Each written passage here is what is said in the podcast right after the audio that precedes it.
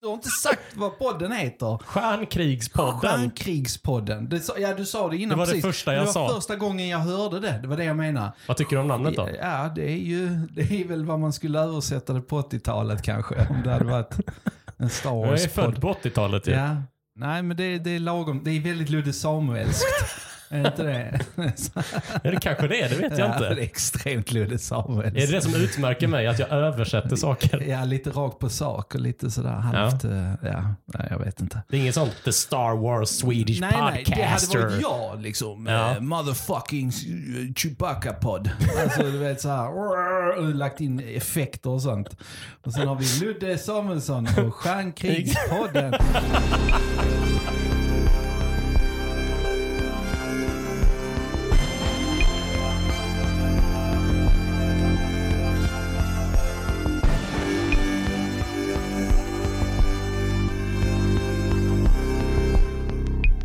tänker jag att jag bjuder in lyssnarna till det här. Ja. Det låter väl bra va? Hallå där! Stjärnkrigspodden heter podden som du lyssnar på. Den eh, handlar om den viktigaste kulturyttringen i mitt liv. Nämligen Star Wars. Eh, jag som säger det heter Ludde Samuelsson. Samtalsämnet för dagens avsnitt är spel. I bemärkelsen spel för konsol, tv och eller dator. I vanlig ordning ska jag inte prata ensam utan i gott sällskap och då syftar jag på dig. Filip Hjelmér. Det är jag det ja. Sa han i kör. Välkommen hit. Tack så mycket. Det är kul. Jag kunde inte låta någon annan komiker ta det när det gäller spel och Star Wars. Så jag tog ju detta direkt. När Jag de frågade ingen annan heller. Nej. Jag vill kalla dig komiker och gamer. Ja. Stämmer det? Ja, det, Det går bra. låter ju väldigt så här 20-årig kille. Sitter i källaren.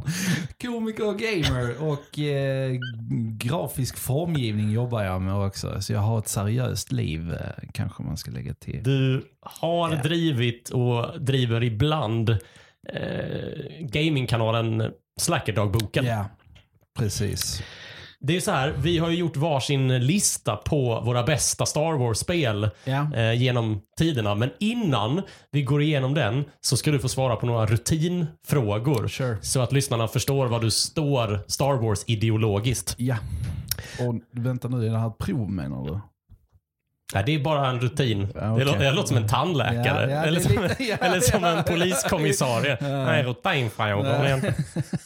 Och du är liksom, är jag misstänkt för något? ja, exakt. Det är, jag Det är bara fan. rutinfrågor, Filip. Jag gillar egentligen Star Trek. Det är det du vill kolla. kör. Den första eh, frågan handlar om eh, ditt första minne av Star Wars. Mm. Minns du det? Berätta. Ja, det minns jag. Jag, jag. jag tänkte på det idag också. När vi första gången jag kom i kontakt med Star Wars. Och Jag tror det var när min bror och hans kompis tittade på episod 6. Mm. I slut- Jedins återkomst som Ja. 1983. Precis. Ehm, eh, och eh, scenen, jag, jag går ju upp för trappan och min bror sitter där uppe och tjoar med sina polare. Och de tittar på eh, en film med, ja, eh, där kejsaren, alltså scenen där kejsaren försöker övertyga Luke Skywalker och eh, strike me down. Ja, just det. Det här... För att gå eh, över till den mörka Ja, sidan. precis. Och det var min första. Eh, och jag sket ju lite i byxan. Alltså mina, min brorsas polare retade sig med mig. Ser du han där? Han kan döda dig med händerna. Så kommer blixtrar ur dem. Du fick en du vet- spoiler direkt. Jag fick det direkt. Ja, jo, men så var det ju när man var liten. Man såg lite scener av det. För att vi hade ju, vi hade precis skaffat parabol och det var TV1000 och det var liksom, eh, de visade Star Wars. Och jag såg liksom olika klipp av det. Eh, Men jag fattade inte då vad det var riktigt förrän jag började tajma in tror jag. Är det ett gott gick. minne eller är det ett Det är ett dåligt? jättefint minne. Alltså Ja. Jag var ju livrädd för kejsaren då. Ja. Men det, jag blev hooked på det. Jag ville veta mer. Så jag ville se hela den filmen. Och sen så bara shit det finns ju tre filmer. Jag, jag vet ju inte exakt hur jag tänkte såklart. Men jag kan tänka mig att det var så jag började knarka Star Wars. Ja. Eh, så eh, sen, sen dess har jag ju eh, ja, snortat i mig allt som finns med eh, Skywalker. Eh, och, och hela faderullan. Ja. Faktiskt. Och inte minst spel då.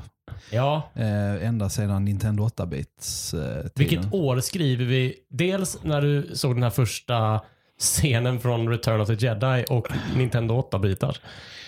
Eh, jag skulle väl tro att det var tidigt, eller så här sent 80-tal. Och sen kort därefter eh, Nintendo 8-bitars. Eh, jag kommer ihåg de släppte eh, det, första Star Wars-spelet jag minns och som jag tror var det första Star Wars-spelet till Nintendo 8-bitars. Det var ett sidoskrollande, riktigt dåligt jävla skitlir som bara hette Star Wars. Okej. Eh, Och hur är det med relationerna till kejsar Palpatine idag? ja, det är bra.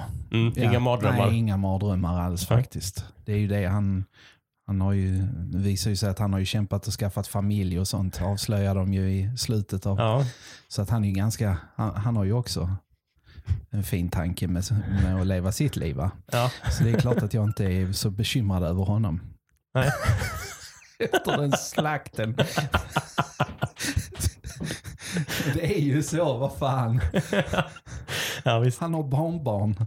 Någonstans har det ju Ja. varit kärlek. Ja, och till skillnad från i slutet av 80-talet så är ju du en, i alla fall relation till dess, en till åren kommen man. Ja, Det kanske är... Man börjar förstå Ja. folk. ja precis. Och Ja, deras precis. Jag har fått sympati för Palpatine och Ja. vad hans planer är. Han Ja, men vill- inte minst hans vill- karaktär har fått en ny komplexitet i, Ja. i eh, The Rise of Skywalker när vi får veta mer om hans Ja, ja. civilstatus, om man nu får kalla det. Du, hur som helst, eh, min andra rutinfråga, den lyder så här. Om du hade varit en karaktär i Star Wars, vem hade du velat vara då? Ja, jag, jag, jag, den har jag aldrig tänkt på. Får man säga så? Jag vet Ja, inte. det kan du få. Det är, det är det mest jantelagsenliga svaret jag har fått. alltså, ja, det finns ju många Inte ska väl jag vara Det hade med. varit coolt att vara en jedi och så. Ja, men det, det här är eh, vilja. men- Det här är ju ja. vem hade du velat vara? ja, det är väl Palpatine då va? For the Empire. nej, eh, nej, nej, jag vet inte. Jag är väldigt, just nu är jag väldigt Mandalorian. Mm. lite hooked på den bakgrundsstoryn och så vidare. Eh, tycker det är coolt. Tycker Ja. Mandalorians är Ska jag, coola. ska jag notera Baby Yoda då alltså? Ja, ja exakt. jag, jag, jag, kan, jag är baby Yoda. Jag sitter där och viftar med händerna lite grann. Okej, och om eh, vi ska vara realistiska Filip, vem hade du varit om du var en karaktär i Star Wars? Ja, du vet den, eh, vad fan heter den eh, grisen hos Jabba the Hutts? Gamorrean Guards. Ja, jag hade varit en sån Gamorrean Guard. Alltså de som Eh.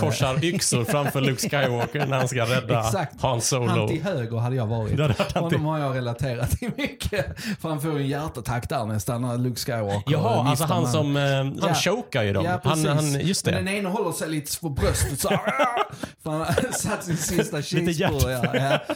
Jag har känt med honom väldigt länge och funderat mycket på hur han mår liksom, i efterhand. Nu kanske vi får veta nu i den nya eh, Book of eh, Fett.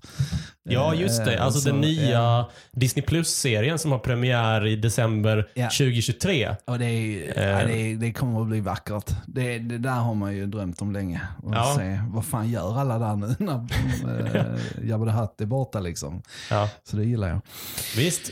Jag har en fråga till i eh, mitt standardformulär. Det här behöver du inte motivera om du inte vill. Jar Jar Binks, för eller emot? Ehm, idag, idag är det ju lite nostalgiskt, är det inte det? Alltså, det är klart att jag stod inte ut med den jäveln heller när det begav sig. Jag noterar ett svagt för Eh, till Jar Jar Binks ett, favör. ett svagt för om man tänker på alla fina memes han har skänkt och konspirationsteorin om att han skulle vara en Sith Lord. Det, och sen också, det är lite som, ja men, det är nostalgiska skäl kan jag gilla det.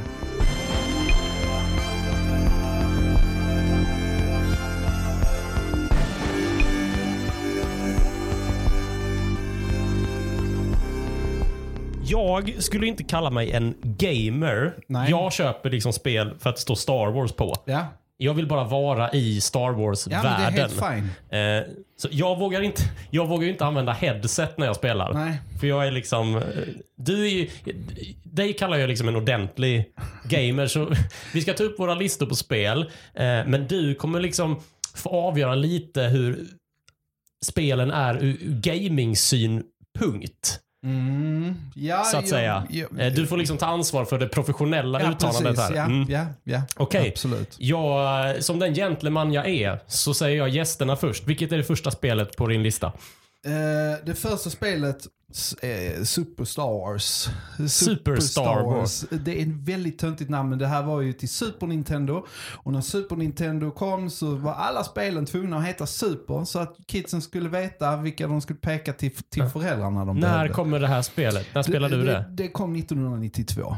Ja, och det är tidigt Star Det är Wars-spel ett alltså. väldigt tidigt Ja. Star Wars-spel, men jag tror inte det var så länge sedan innan dess som jag spelade det första Star Wars-spelet till Nintendo 8-bitars heller. Nej, För det. du har ju eh, Lucas Arts Mm. som eh, hanterade, eh, som fick rättigheterna till att liksom eh, pumpa ut eh, Star Wars-spel på löpande band. Och det första var ingen höjdare, men det som hette Super Star Wars, det var banne mig Super Star Wars tyckte jag. Och vad var spelets eh, idé och det, grundpremiss? Det var exakt, det var episod 4. Mm. Från Tatooine hela vägen till eh, dödsstjärnan skulle sprängas. Ja, just det. Eh, och, och de tog ju sina friheter, men det som var så fantastiskt med det var att hur mycket kan du egentligen göra i form av olika fiender och så vidare. De som eh, producerade spelet hade ett jävla öga för detaljer. Ja. Så vissa figurer i spelet har du aldrig sett i filmen, tror du, förrän du ser dem i filmerna. Ja, De vad är det finns för figurer i då? bakgrunden. Jag vet att en boss i eh, Mos Eisley, Ja. den bossen där, är en av figurerna som är på schackbrädet av Millennium Falcon-spelet. Du vet, de sitter och spelar. Ja, ja, Mm. som eh, R2 och Exakt. Chewbacca. Det är en lång, stor grön Är det han med orange eh, väst? Exakt! Ah. Exakt. Han? Och, sådana detaljer, det var ju, eh, jag kan tänka mig att man använder det väldigt mycket idag till alla möjliga medier som har med Star Wars i- att göra. Men, men då var det väldigt unikt. Man bara, var fan kommer den ifrån? När de bara lagt in där. Sen så såg man det i filmen, men vänta nu, de har ju, de har ju tänkt till där lite grann. Eller, det, det kan ju också varit att de bara behövde fylla det med någonting. som Men de, vilken fanservice-injektion det, där ju måste det. vara. Det var ju det. För jag menar den figuren som är i schackbrädet, den, den måste ju finnas någonstans i, och det- nu är det säkert någon supernörd som har läst om den där Ja, figuren. och vet vad han de- heter och Ja, exakt. Så jag ber om ursäkt, men så pass... eh, Homeworld. Ja, ja, exakt. Ja, precis. Det finns en, en historia om honom också. Ja, och Eh, eh, hur spelade man då? Spelade man som Luke Skywalker och... Du började som Luke Skywalker men allt eftersom så låste du upp olika karaktärer och de hade olika vapen eh, och olika färdigheter. Eh, och Luke Skywalker kunde, han, man, när man hittade lightsabern, det var ju fan det fetaste som fanns liksom. Ja, ja, ja. Sen vet jag också att jag, jag spelar igenom det spelet om och om igen. Sen så, så läste jag i Nintendo-magasinet ett äh, jäkligt nice äh, litet äh, trick. Det fanns ju koder man skulle trycka. Eh, det fanns det en kod man kunde låsa upp precis alla vapen, alla gubbar, allting från bana ett. Så nu kunde jag alltså eh, köra en remixed variant av hela spelet och jag eh, älskar ju skiten ur det. Jag kommer nog till och med ihåg hur koden var för man var tvungen att slå in den i en viss tempo, i en viss pacing. Så det var inte bara trycka koden på handkontrollen utan det var tvungen att AA, BB, X, YY, YY, B, så här. Och sen eh, LR start select var det eller någonting sånt va. Så man skulle göra det i, ett visst, i en viss eh, rytm. Och då hörde man en, en Java säga oh, di, di, och jag sket ju ner mig av lycka första gången. Jag glömmer aldrig den skiten. Och så kunde man bara välja en meny vem man ville spela direkt. Oh shit, man kan bara vara Leia direkt på i Tatooine. Hur tokigt är det liksom? Leia har aldrig varit på Tatooine. Eh, och, och, och det var liksom, jag nötte det. Jag tror, alltså för att vara ett jävla plattformsspel på det viset. Man sprang från A till B. Så, eh, så satt jag ohälsosamt mycket med det. Men det var också en massa andra fantastiska grejer. Den hade, den hade ju Star Wars-musiken. Det var nog den första som hade licens. Eh, till, eh, alltså hade tillåtelse att använda musiken så, eh, med Nintendo-teknik. Eh, till Super Nintendo då så kunde de eh, trycka in en midi-fil med Star Wars-musik. Eh, Wow, vilken... ehm, så ja, ja, ja, det är nog det, det starkaste Det- det var så Star spelminnet. Och jag vet också att mina grannar, min bror, eh, han kompisen jag berättade om, de bodde ju grannar, så det var ju, Mm bodde inte långt därifrån. De kunde ringa mig för att lösa olika problem i just det Star Wars-spelet. Så sprang jag över till deras hus och bara tog mig förbi det utan problem med ögonbindel. Wow. Så kunde det var de se Löddeköpinges R2D2. Eh, eh, exakt! Jag gick dit och låste upp det med en liten pinne från magen. wow. Mm. Eh, då tänker jag ta första spelet på min lista. Ja. Och då har jag Episod 1, The Phantom Menace. Okej. Okay. Till Playstation 1. Jag minns detta. För 1990 99. Ett fruktansvärt spel. Ja, men det var mitt första Star Wars-spel. ja, ja, ja. Det var också det första tv-spelet jag ägde och spelade eh, för den delen. Det man såg ett... det lite uppifrån, mm, gjorde man inte det? Det var ett eh, lite uppifrån. Eh, mm. Tredje person Tredjeperson, springa runt och mm. svinga ljussabel. Mm. Man spelar, eller skjuta laserpistol. Mm. Det kan man också. Man, man spelar som eh, Obi-Wan, Kenobi, Qui-Gon Jinn, Padme Amidala eller Kapten Panaka, vilken var en jävla kul karaktär faktiskt. Han fick en Som är liten- li- han fick en, en bana. Fick han.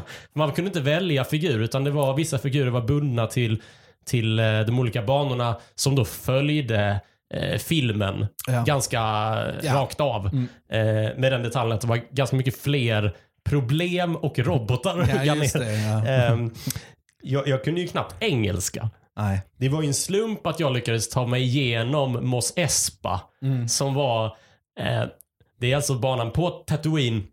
Där man är Qui-Gon och ska försöka få tag på en hyperdrive generator, precis som i filmen. Ja. Men det är lite mer komplicerat än så. Så man var ju tvungen att gå runt och prata med invånarna Ja, ja, i, staden. Och du vet, man skulle eh, så här, gå till det huset och hämta en skiftnyckel. Typ, De försökte på engelska. trycka in lite RPG, alltså role playing game eh, på det viset. De Ja, ju funka, precis. Alltså du gjorde quests innan du kunde ta dig Precis. vidare. Ja. Alltså, man skulle, jag minns att man skulle hjäl- hjälpa någon snubbe att frita hans son Ja. från någon gorilla som, som bodde på en bakgård.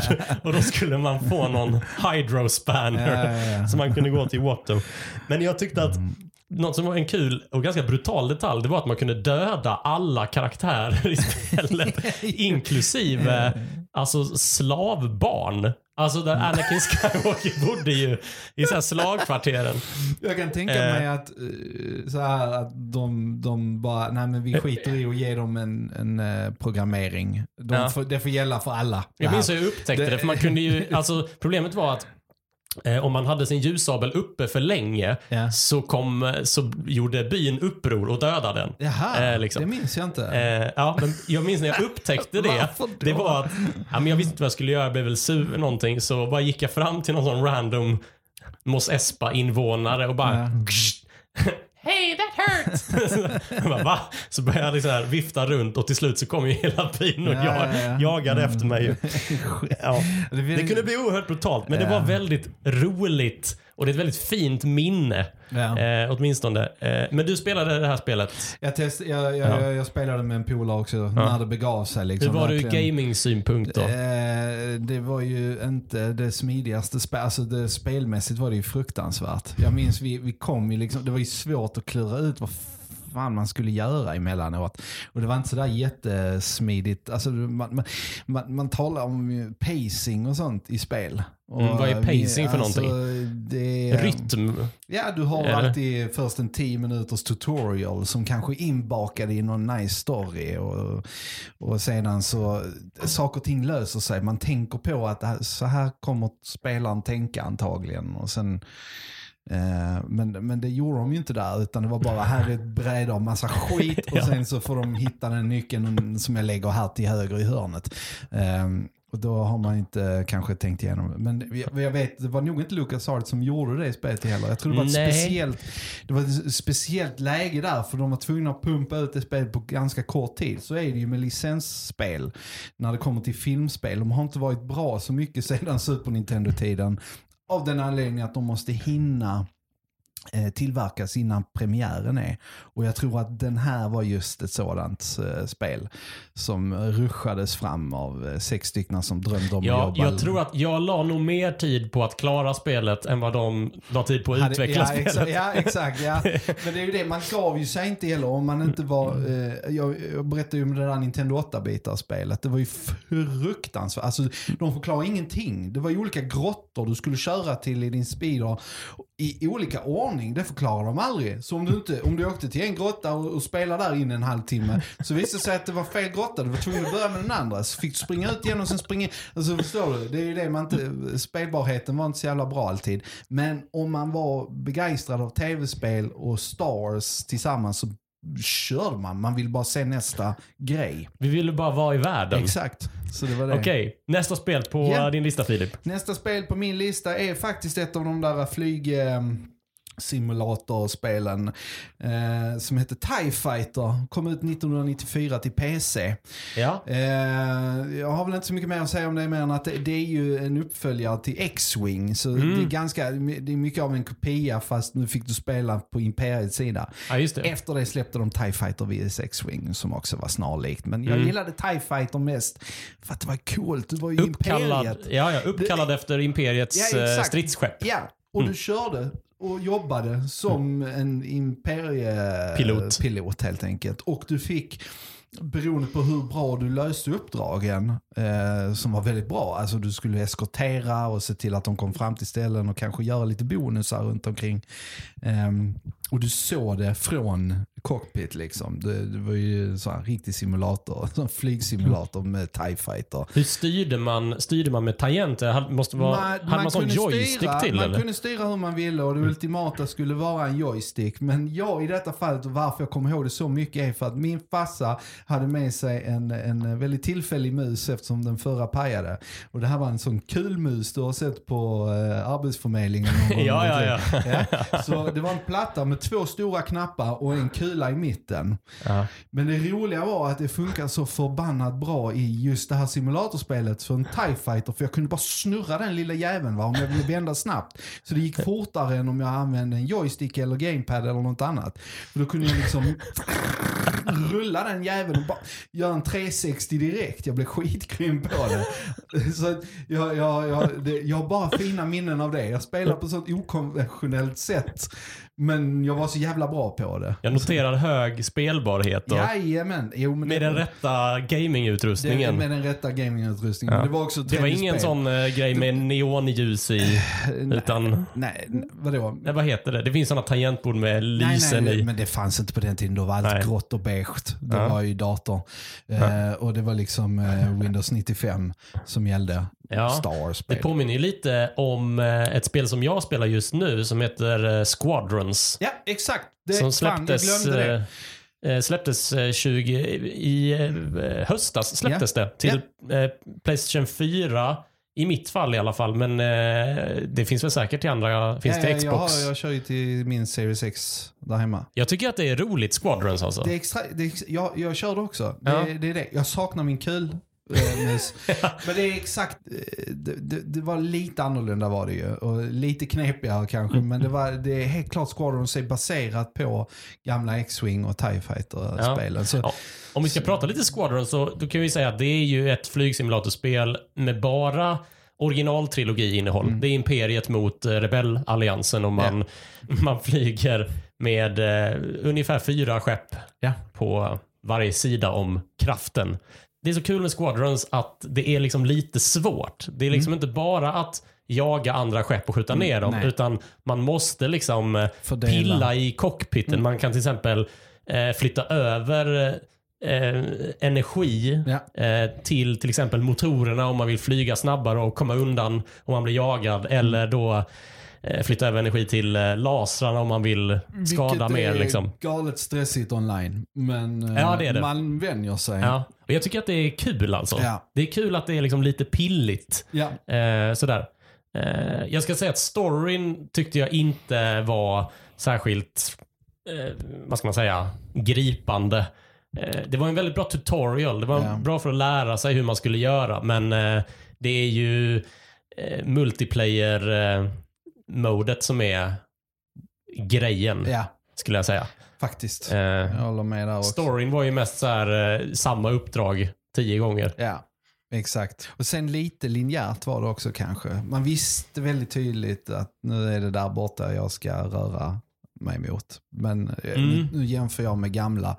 För där fick man fan köra en hel del för att hitta. Och det var Ja. en liten röd Ja, men gamla punkt. spel var ju, alltså det kanske att göra med att vi var yngre då. Ja, eh, det och hade klart. mindre utvecklade hjärnor. Men min bild är ändå att det var fan lite mer Rubiks kub. Det var inte mycket att förstå av grafiken ibland. Alltså just Nej. radarn då, vad som var var, eh, var väldigt svårt att lära Ja. sig kommer jag. Men när man fattade så löste man det. Eh, Kunde man pimpa sin cockpit i TIE Fighter? Nej, det kunde För det man kan man ju i Squadrons. Det är kul. vet, det är ganska Man kan ha lite sådana här...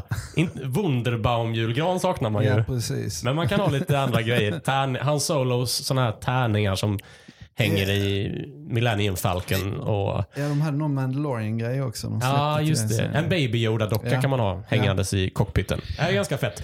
Eh, det var TIE Fighter alltså. Ja. Och Squadrons. Ja, det var kul. fick- Det var inte med Ja, på min nej. lista, men det var en bubblare. Jag ville gärna ha med den. Precis. Jag skulle sagt Squadrons för jag sa, tänkte jag får inte glömma det. Jag, Nej. jag pratar ju väldigt mycket gamla spel men det är för att de var först ut med idén. Och sen har det ju gjorts versioner som påminner om det och Squadrons är ett utmärkt exempel. Mm. Helt klart. Då är, vi, då är vi på min lista ju. Då säger jag Jedi Power Battles. Playstation 1. Oh. År 2000. Är detta ett fighting-lir eller? Eh, det är fighting. Det är väl... Eh, det, det kommer ett år efter eh, The Phantom Menace-spelet. Och nu är det LucasArts Ja, som okej. har gjort det. Eh, Spelaren spelar som um, Obi-Wan, Qui-Gon, men också Mace Windu, eh, Plo Koon och Adigalia som är andra jedi-riddare som är lite i periferin. Ja, ja, Så här. ja, Eh, och det här spelet följer också historien i filmen eh, The Phantom Menace, Det mörka hotet, från 1999. Eh, det är, fast mycket mer fritt. Det är många, många fler stridsdroider som ska huggas ner. Och det är lite fler bossar som ska klaras och sådär. Jag tyckte det här spelet var kul för att Men jag känner inte igen det alls. Eller vad, vad det här är det Playstation för... 1. Jag vet inte om det släpptes till eh, vad de nu kan heta, Dreamcast eller vad det hette på den tiden. Men det här är i alla fall ett spel där man kunde spela två stycken. Ja. Så man samarbetade sig igenom eh, handlingen Ja, ja, i eh, Episod 1. Ja. Och det som jag tyckte var roligt var, eh, för Men var det tredje person eller var det... eh, det var tredje person från sidan. Okej, jaha, Eh, Kameran okej. var lite flytande, men mest Ja, från jag fattar. sidan. Mishmash av plattform och... eh, Ja, det var, absolut, Mm, absolut. Det var Ehm, populärt då. Och jag gillar att man kan spela två personer. Eh, för det tråkiga med eh, The Phantom Menace-spelet Mm. eh, som kom året innan, det var ju att det var eh, att jag inte var ensam barn. Nej. Utan här kunde jag och min brorsa Ja, spela tillsammans. Ja, slapp Eh, ni slåss över... Ja, precis. Och det som var väldigt kul, eh, det var det första spelet som jag spelade i alla fall, där eh, Jedi-riddaren eh, i spelet som man då alltid spelar som, någon Mm. form av Jedi-riddare, kunde låsa upp och lära sig olika ljussabelattacker. Mm. Alltså olika kombination, knapptryckskombinationer Ja, ja, ja. utlöste liksom en längre sekvens av, eh, av fäktning. Mm. Eh, där man då kunde eh, få ner fler droider i samma move. Liksom. Medan tidigare ljussabelsvingarspel hade bara varit att så här, svinga, du kan svinga dig igenom det här spelet liksom, om du vill. Men här så tjänade man på att eh, lära sig lite kombos. Det var liksom lite, lite Ja. svårare. Ehm, Ja, men det, det, fan, men det jag bara är så ställd för jag borde veta. Jag borde ha koll. Jag satt med PC då. Eh, Det var just den Mm. tiden jag satt med en gammal Pentium och spelade TIE Fighter tror jag. Så. spelbarheten kul om, eh, för det här var ju liksom före, Var det, ja, det var väl inte före internet, men eh, det var ju före min multiplayer-debut. Ja. Det var liksom kul att man kunde spela tillsammans. Det var, jag minns inte det som svårt. Det Nej. var inte i närheten av lika svårt som The Phantom Nej. Menace. För till skillnad från The Phantom Menace så skulle man inte prata med någon. Man skulle Nej. hugga ner dem Ja, ja. Men vi lämnar Jedi Power Battles Ja. eh, och går vidare Måste till... kolla upp det när jag kommer hem tänker jag. Jag tycker det är intressant ändå. Men ehm, ja, min, eh, nästa då är ju vad folk skulle kalla för en Doom-klon klon, eh, som heter Dark Forces. Ja, ja. Är det här i Jedi Knight-serien? Eh, ish, ja. Ja. Jedi Knight är vad jag har förstått en del av eh, den loren också. Eh, nu skiljer de sig ganska eh, mycket åt på ett sätt i storyn. Men ja, det är väl den första Jedi Knight. Den hette Dark Forces och den gick på en spelmotor. Alltså grafiken påminde väldigt mycket om Doom med den enorma skillnaden att du faktiskt kunde titta uppåt och neråt. Okej. Eh, Eh, det och vilket år? Det här är tidigt 00-tal låter det som. 94. Åh, jävlar, Så jag är pass helt gammalt. eh, utspelad du.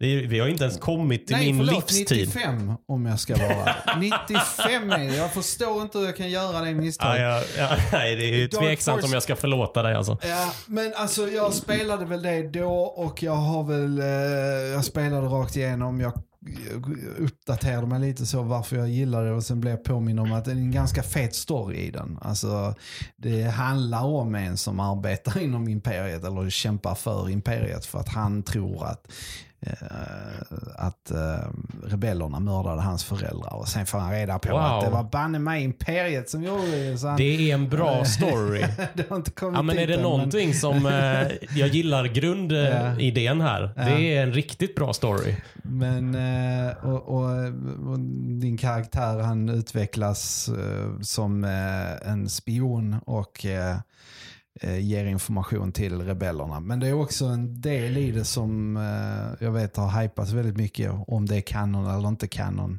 Eller om det kommer att bli och det är ju Dark Troopers. Okej, Dyker men vänta nu är det lite olika. Alltså, Dark Troopers, för det första, finns det spelet? Mm, det vet jag inte, men jag vet att det första spelet som, eh, där, eller där Dark Troopers först dök upp överhuvudtaget var Ah, i Dark Forces. Du pratar om Dark Troopers som är de här, äh, ja, ja, de här svarta robot-imperiesoldaterna som vi ser ganska mycket av i sista avsnittet av The Mandalorian. Många sa att det var de, det var diskussion om det var det, men jag tror faktiskt inte det var det, men det var inspirerat Okej, av det. okej, okej. För Dark Troopers tror jag hade att göra med att de faktiskt hade The Force också. Det var något Ja, sånt. ja, ja. Att de, de För det var, vi såg i eh, säsongsavslutningen av The Mandalorian, det var ju någon slags eh, man sa robot väl aldrig ju. Dark Troopers då? Jo, eller? det vill jag minnas att det sägs Ja. faktiskt. Men eh, frågan är om, eh, om mig möjligt John. Favreau visste om... Det, Ja, det en... det kan vara så, för jag vet att det diskuterades på Reddit att det, det här är Dark Troopers. Men det är sant, fan de nämnde nog det till och med. Ja, jag vill minnas Eh. det, för jag vill minnas att jag särskilde dem från Death Troopers, Mm. som alltså är, syns i Rogue One, Ja. som direktör Krennics livvakter. Det är det. svarta, lite större Just. Stormtroopers. Men sen nämnde du Canon också, och det kanske känns väl rimligt att reda ut det begreppet. Um, Canon är ju då eh, vad som räknas till... eh, Historien, vad de godkänner, eh, det här är Star Wars och det här eh, Är fanfiction. officiellt, om det embraceas av Disney eller inte, som Mm. officiellt legitim del i Star Wars-berättelsen. Nej, just det. Så om jag hittar på en karaktär och säger det här är en Star Wars-karaktär så är det inte Ja. Canon förrän... Och när, och när Disney köpte Mm. Star Wars så strök de väldigt mycket från Canon-listan. Däribland alla Lucas spel tror jag. I ett sjok. Men Ja, och det gjorde de då för att kunna eh, eventuellt liksom göra nya filmer och serier som då kan bryta mot händelser Eftersom- i, ja. i liksom gamla spel eh, utan att... Eh, Utan att trampa på några tår. Eh, men det, det roliga är att det är många, eh, det bubblas ju om ett spel jag kommer nämna senare, Knights of Old Republic. Eh, det kommer göras en story på det, har det ju bubblats om rätt mycket. mm. Eh, och det är ju fantastiskt. Och Dark Troopers då som vi nämnde, det är vad jag förstår har kommit från eh, det spelet. Ja. Och Dark Forces, eh, vad var det för... Var det till dator eller det till... var till PC till PC? till en... Nej, det släpptes fan i mig sen till... Eh, Du spelar på Play- PC. Playstation tror jag.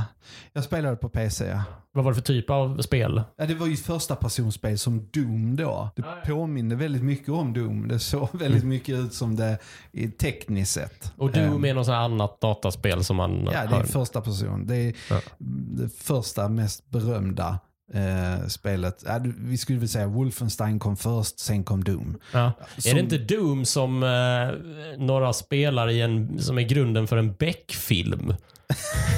De som mördar folk i tunnelbanan. Nej, det skulle inte förvåna mig. Jag har inte sett mycket Beck, men varje gång jag såg något av Beck så var det alltid om något nytt populärt bland ungdomar som skulle vara livsfarligt. Ja. Eh, Ja, där, där får, där får eh, lyssnare av eh, Beck-ordning höra av sig och, och bekräfta eller dementera uppgiften. Det var Dark Forces. Eh. Då kommer vi till eh, nästa plats på min lista och det är Jedi Knight Jedi Academy Ja, till PC år 2003. good shit. Ja, uppföljare till, eh, det här är Jedi Knight-serien. Eh, Jedi Academy, det är uppföljare till Jedi Knight 2 som heter Jedi Outcast. Ja, just det. Eh, där vi får följa eh, en kille som heter Kyle Katarn Mm. som är eh, som blir en Jedi-riddare efter att imperiet har fallit. Det här utspelar sig i alla fall efter filmen Jedins återkomst. Mm. Men i Jedi Academy, eh, anledningen till att det är med på listan, det är att det blev mycket mer personligt eh, för mig. För det, förra gången i spelet, då var man en redan påhittad karaktär. Mm. Liksom som skulle ta sig fram och eh, skjuta och sedermera eh, hugga ner Ja. imperiesoldater. Eh, men i Jedi Academy så är spelets berättelse eh, den börjar med att du eh, spelar en eh, Jedi-student Mm. som du får skräddarsy själv. Antingen som kille eller tjej eller med olika kläder och ihåg, olika ja. ansikten och sådär. Och eh, spelet börjar med att du är på väg till Luke Skywalkers akademi. Du ska börja liksom då, eh, börja din utbildning. Och det var ju så jävla coolt. Ja, Alltså att man fick se lite an, alltså det man hade undrat om så mycket från filmerna. ja. Och det är ju ungefär här jag skulle säga också att Mm. de här storyna börjar utvecklas runt filmerna och bli riktigt bra på riktigt. Ja, för här fick man ju också vara med i storyn själv. Ja. För man fick ju bygga sin egen ljussabel Ja. och skräddarsy sina egna kläder. Mm. Och sen fick man också, i spelet får man också välja vilken ordning man ska spela uppdragen. Ja. För det var spelets premiss, det var att i jedi-träningen så berättar Luke att han tror på learning by doing. Mm. Så man får åka med på olika, eh, utföra olika uppdrag åt honom. Mm. Samtidigt som man får veta då att eh, Luke har fått nys om att det är en ny Sith-kult som har vaknat till liv Ja, just det. eh, och som eh, ja, gör väl sitt yttersta för att ställa till problem. Jag, jag gillar det här spelet jätte- jättemycket. Eh, dels för, att, för alla valmöjligheter. Man kunde liksom välja att ha eh, färg på sin ljussabel. Eh, man kunde ha två ljussablar Ja. om man ville. Man kunde ha en så här dubbelsidig Ja. Darth Maul ljussabel. Och sen var det bra, bra lightsaber fights. Ja. Jag minns att det, det är en jävligt knepig grej att implementera i spel. Men just de löste det ganska bra. Nu körde jag det på PCn. Jag, jag Det gjorde jag med. Inte, men jag minns att det var jävligt smidig Mm. eh, hantering av det som ändå inte Ja, och den var en. avancerad också. För man kunde ju välja eh, man kunde välja fighting style, Ja, som det kallades. Man kunde ha liksom eh, eh, fast, medium, strong. Mm. Och det, eh, det påverkade hur snabbt man svingade. Mm. Man kunde svinga snabbt men eh, eh, liksom åstadkomma lite skada. Så kunde man svinga långsamt men eh, Ja. krävde färre svingar för att lemlästa sina fiender. Vilket också var så himla coolt att armar och ben flög av. Det är, det är faktiskt ganska Ja. häftigt. Alltså, eller häftigt, det låter så jävla brutalt men Ja, men det var det ju kul tillförde då. Väldigt bara, mycket. Ja. Så det, det, var, det var lite andra tider då. Man kunde döda Ja. barn och lemlästa folk. Det fanns Ehm, också ett stort utval av eh, force powers, vilket var väldigt kul tycker jag. För man hade liksom go- good side-kodade krafter som att hela sig Mm. och och eh, mind trick och sådär. Mm. Men sen fanns det också dark side-kodade krafter som eh, blixtar och eh, stryp, kvävning liksom. Ja. Och det tycker jag tillförde en mer komplexitet till karaktären. Att man kunde pendla mellan den onda och goda sidan. Eh, jämfört med då, eh, återigen, The Phantom Menace. Där det enda man kunde göra var typ att pusha folk eh, ibland. Jag kommer inte ihåg, påverkade det storyn? Det kanske inte gjorde det så mycket. Eller? För jag minns också man kunde... Eh, Ja, men det fanns en force power i Jedi Academy som hette Force Sense.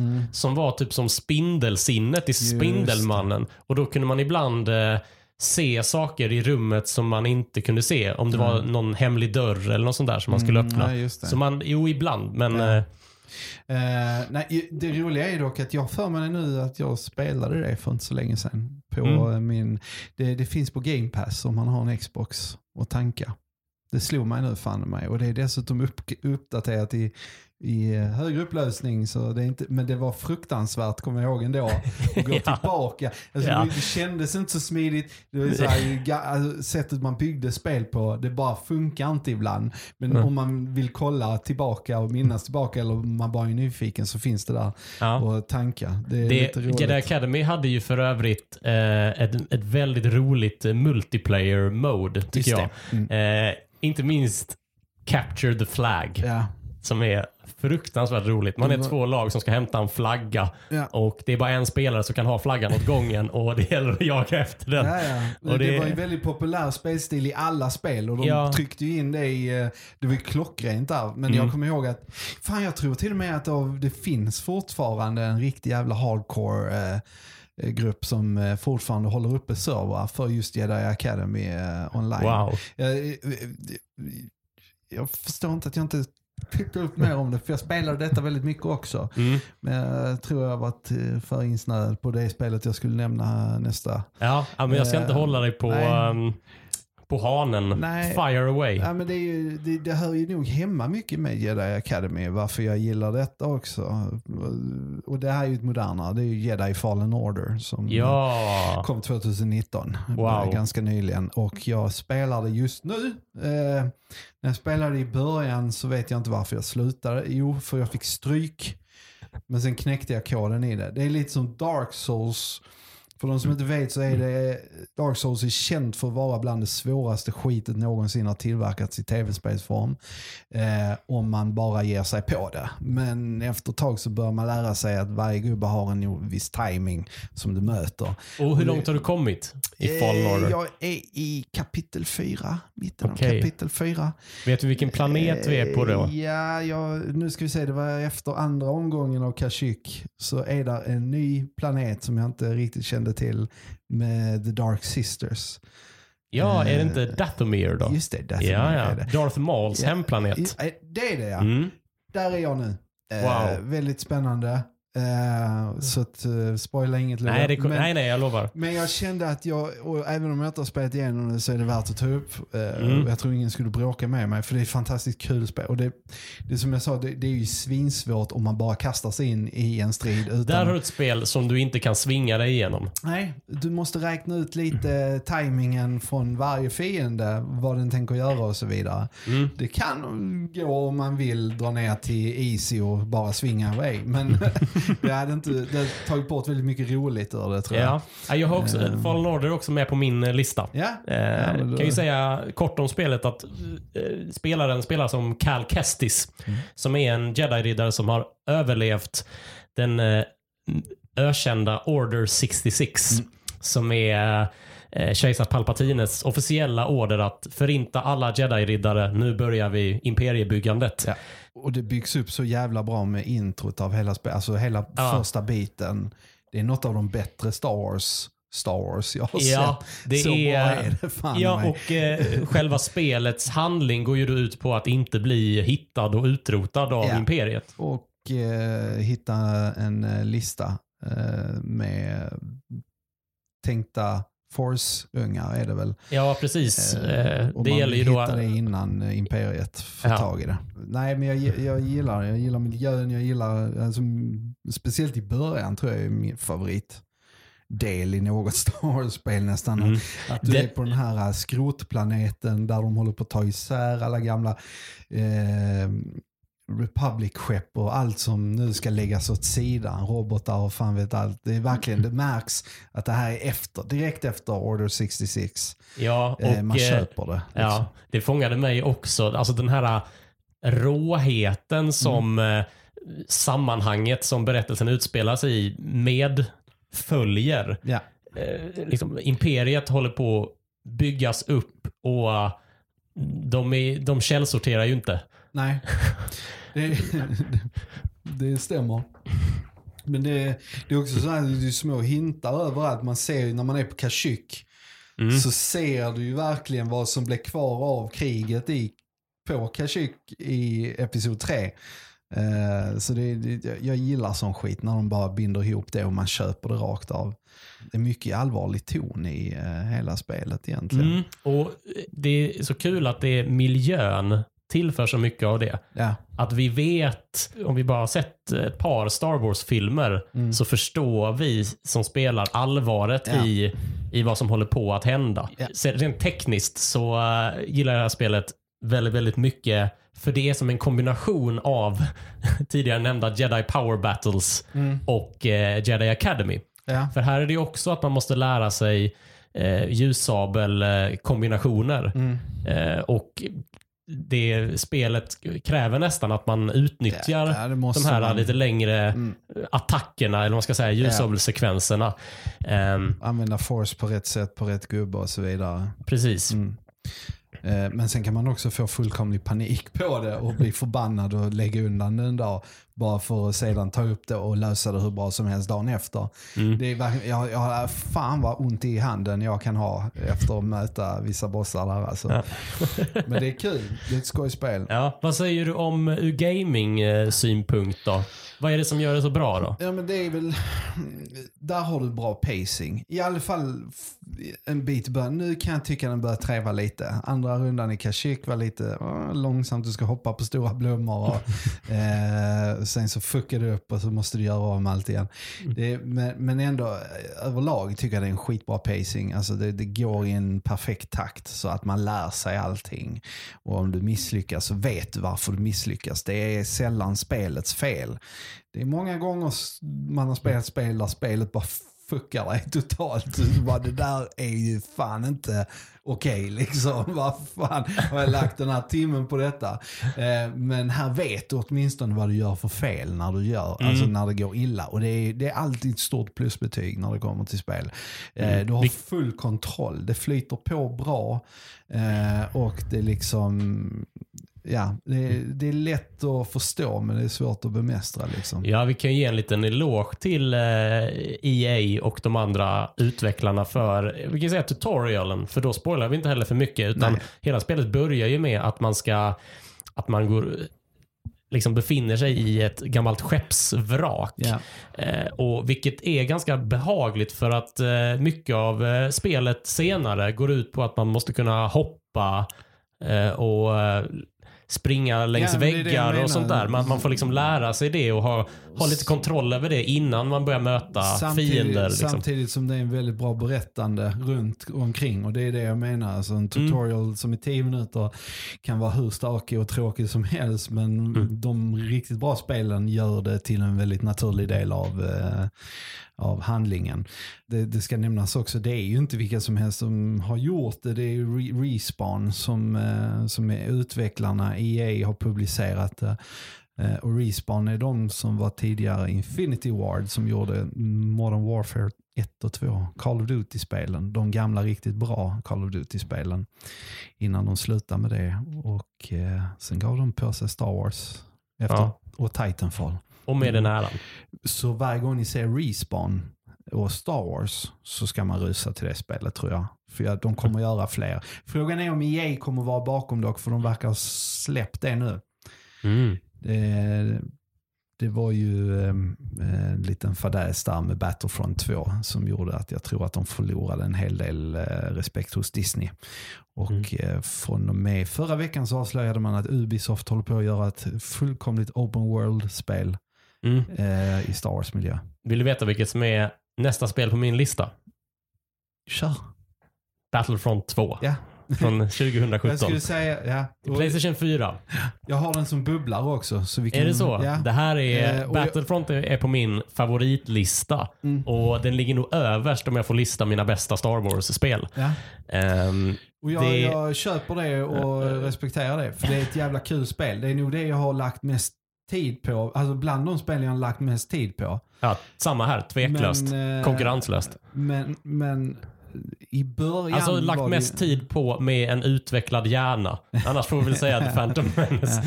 Jag har väl också spelat mycket mer av andra grejer. Det är väl mest det att eh, jag har spelat detta otroligt mycket för att jag gillar Battlefield-spelen och jag gillar Call of Duty. Jag gillar online shoot em ups. Och det här är ju vad det Det är ju spelet är. definitionen och det är av det. Väldigt, väldigt bra sådant dessutom. Ja. Eh, Battlefront 2, eh, för eh, du som lyssnar som kanske inte har spelat det, så är ju det här ett eh, springa runt och skjuta Ja. och slå ihjäl andra spel.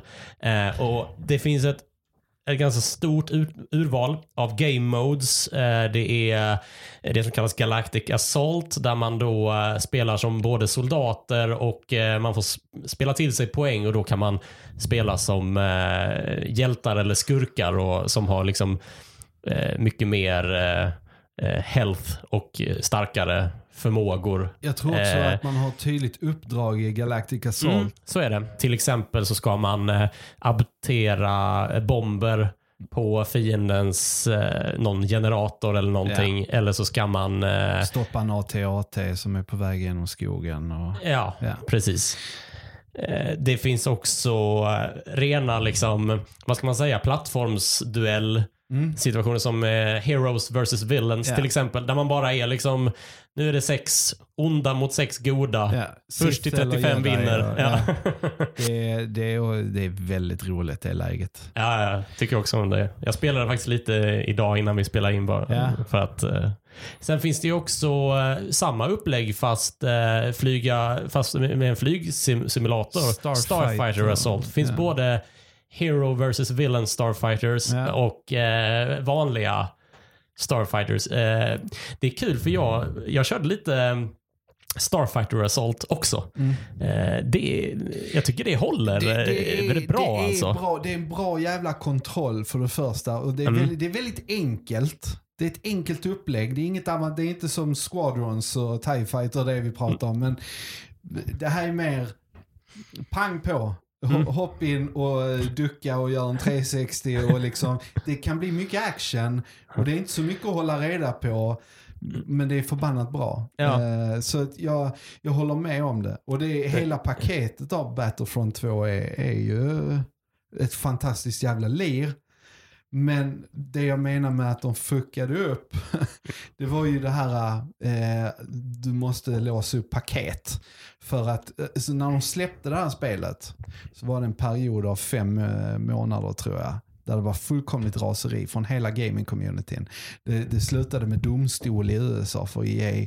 Eh, där man diskuterar sådana här, uh, care, eh, inte care Lootlådor, va? Lootlådor helt enkelt. Mm. Och det är ju på väg att förbjudas nu. Och en Eh, lootlåda i eh, ett spel, nu får du rätta mig om jag har fel, men det är väl eh, huruvida det ska vara tillåtet att köpa till sig framgång för riktiga pengar Ja. i spelet. Att Det om du fanns- har mer pengar så kan du köpa, låsa upp Mm. bättre vapen och karaktärer va? Ja, delvis det. Men det var också det faktum att det var väldigt svårt. Alltså oftast när du har lootlådor i ett spel, vilket eh, det var ett bra tag, det var att du kunde spela dig till det. I en ganska bra pacing. Du behövde inte lägga jätte, jättemycket tid. Mm. Men eh, de... Eh, de, eh, de hade i det här Battlefront 2, hade de, tyckte de att men det här är väl en bra idé att börja dra in lite cash.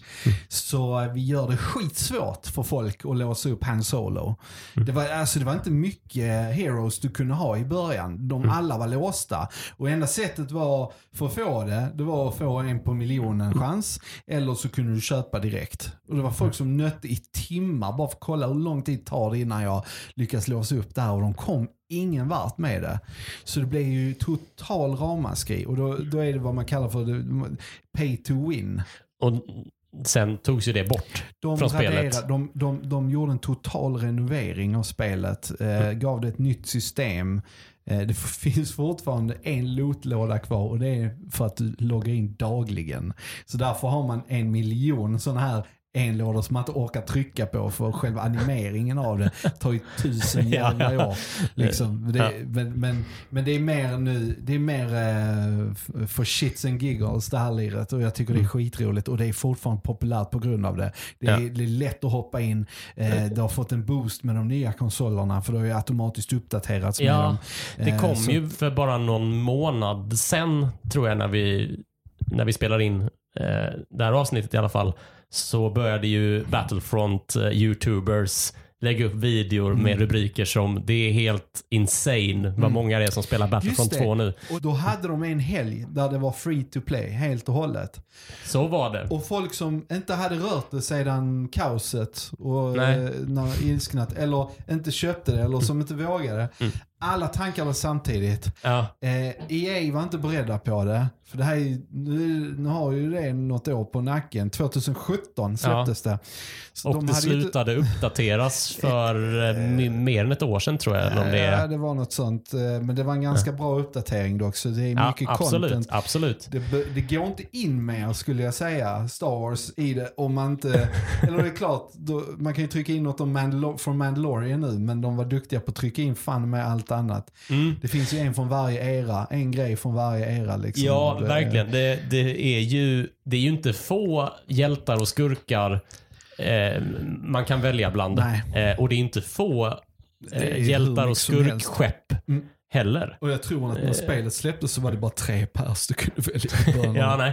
nej. Jag spelade det här först. eh, det här var, jag vill påstå att det var efter loot-lådegrejen, för jag hade ingen upplevelse av, Nej. av det. Eh, men jag minns att eh, när jag eh, skaffade spelet så var det första som hände här, det finns en uppdatering. Mm. Installera den. Och då fick jag liksom några nya eh, utseenden till både Kylo Ren och sen så fick jag Finn Mm. och eh, Poe Damerons X-Wing som är typ det bästa skeppet i hela spelet. Ja, ja. Ehm, sen så kom ju eh, något år senare uppdateringens uppdatering, eh, Geonosis och Obi-Wan Kenobi. Ja. Som är, för det här, det här är liksom någonting eh, som vi måste eh, prata om. För eh, jag märker att jag är väldigt intresserad av spel där, där, karaktär, där man själv får påverka karaktärerna och nästan vara karaktärerna. Ja. Battlefront 2 är ju inte ett sånt spel. Nej. Men Battlefront 2 vinner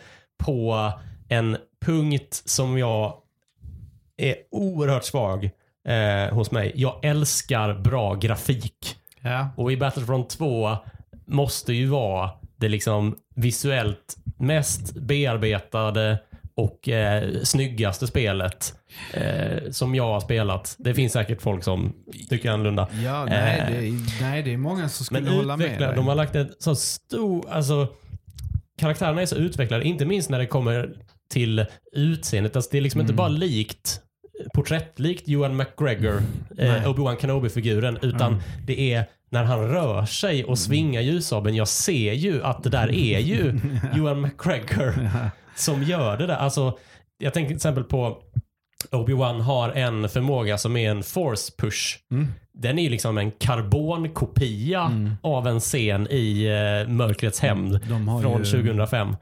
Duktiga Eh, animatörer, duktiga, duktiga grafiker. Och det, från Ja. start så såg det helt otroligt ut. Det var många som ifrågasatte om Ja. konsolerna skulle kunna driva det. För man visade först på PC. Sen när det kom till konsolerna så blev man ganska paff och sa shit det här är bra. Eh, och det har hållit i sig för att det är baserat på DICE motor för Battlefield. Stockholm DICE eh, som har gjort. Och eh, de är världens bästa på att göra en grafikmotor just nu för första personspel. mm. Eh, så helt klart, och det, jag tror det funkar så jävla bra i Star Wars-sammanhang.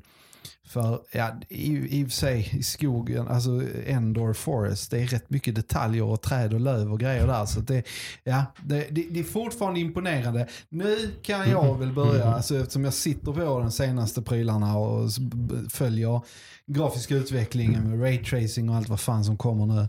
Eh, säg att du kommer inte tycka så här om två år tror jag. Men, men det är fortfarande extremt im- imponerande. Jag spelade också det för någon vecka sedan.